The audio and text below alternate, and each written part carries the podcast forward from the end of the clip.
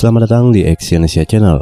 Kali ini saya akan membacakan salah satu artikel dari happy.com yang berjudul 6 beda optimis dan ambisius. Pahami sebelum mengejar mimpi.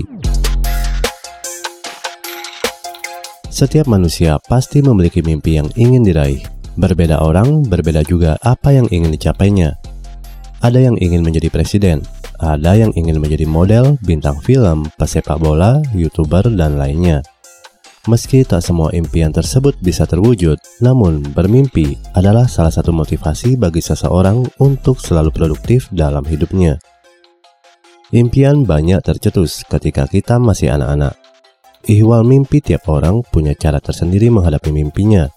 Ada yang merawatnya hingga dewasa, ada yang berubah di tengah jalan, ada yang justru malah semakin banyak seiring dengan bertambahnya usia. Dalam merawat impian, kita mesti paham sejauh mana kemampuan diri dan seberapa besar usaha kita untuk mewujudkannya. Supaya jika sewaktu-waktu gagal, kita tahu apa yang mesti dievaluasi. Untukmu yang sedang merawat impian, baiknya kamu pahami dulu beda optimis dan ambisius yang merugikan. Yang pertama, kamu yang optimis akan selalu menyesuaikan kemampuan dengan impian, sementara yang ambisi tahunya hanya pencapaian. Sikap yang selalu menjadi penghambat dalam meraih impian adalah ketika memperjuangkan tanpa melihat kemampuan yang ada pada diri. Tanpa tahu bekal apa yang dimiliki, kita tak mengerti sejauh mana kita dapat mewujudkan impian tersebut. Apabila dibiarkan, maka potensi terjadinya kekecewaan karena gagal sangat mungkin terjadi. Yang kedua, orang yang optimis paham mana mimpi yang bisa diwujudkan, nggak seperti si ambisius yang segalanya ingin diraih tanpa banyak pertimbangan. Ada banyak harapan dan mimpi yang dirangkai dan berusaha diwujudkan di masa depan. Tapi semua hal yang dirangkai itu pastinya telah dipertimbangkan dengan matang Sikap ambisius bisa jadi positif jika dipertimbangkan dengan bijak, tapi bisa jadi bumerang bagi diri sendiri jika terbelenggu pencapaian yang instan. Semua yang terangkai mesti dilaksanakan dengan tanggung jawab, dan pertimbangan yang bijak juga tentu saja optimis. Yang ketiga, pribadi optimis tahu batasan, sementara yang ambisius cenderung memaksakan kehendak. Semua orang memiliki kekurangan, tetapi tak setiap orang sadar akan kekurangannya. Pribadi yang optimis selalu menimbang dengan pasti tantangan yang di depannya dan melihat diri sendiri untuk mencari tolok ukur yang cocok. Kebiasaan ini menjadikan orang dengan pribadi yang optimis mampu menjalankan semua harapan dengan bijak. Sementara yang selalu ambisius akan menemukan kesulitan mencari jawaban dari segala usahanya. Yang keempat, Orang yang optimis cenderung punya rencana yang matang, tahu langkah apa yang harus diambil.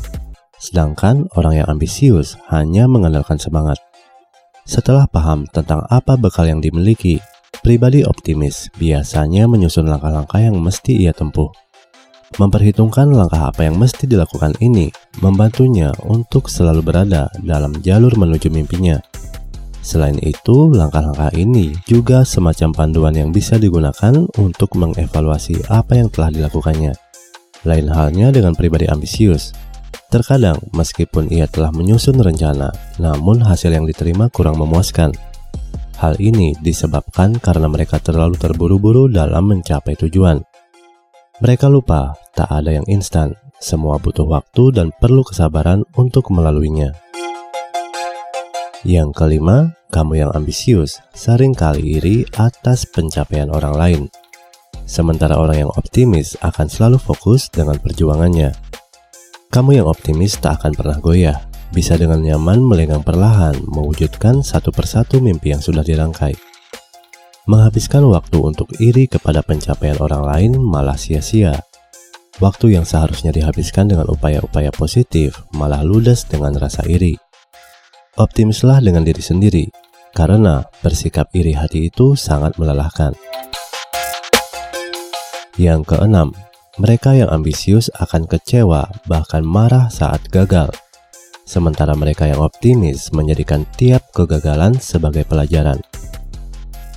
Kita mesti paham bahwa dalam hidup, apa yang terjadi tak selamanya sesuai dengan apa yang kita inginkan. Maka jangan heran jika apa-apa yang telah diperjuangkan terkadang belum membuahkan hasil. Orang ambisius biasanya marah dan menyalahkan keadaan. Sedangkan orang yang optimis dalam hidupnya biasanya bisa menerima apa yang terjadi. Kalaupun kecewa, tak sampai berlarut-larut karena memahami bahwa barangkali memang apa yang diperjuangkan bukanlah rezeki yang diberikan Tuhan untuknya. Ia percaya Tuhan punya rencana lain untuk kesuksesan hidupnya. Pada umumnya, semakin kita bertambah dewasa, kita bisa memahami bahwa tak semua yang kita impikan bisa terlaksana. Kita menjadi tahu mana yang bisa kita lakukan dan mana yang sulit kita wujudkan.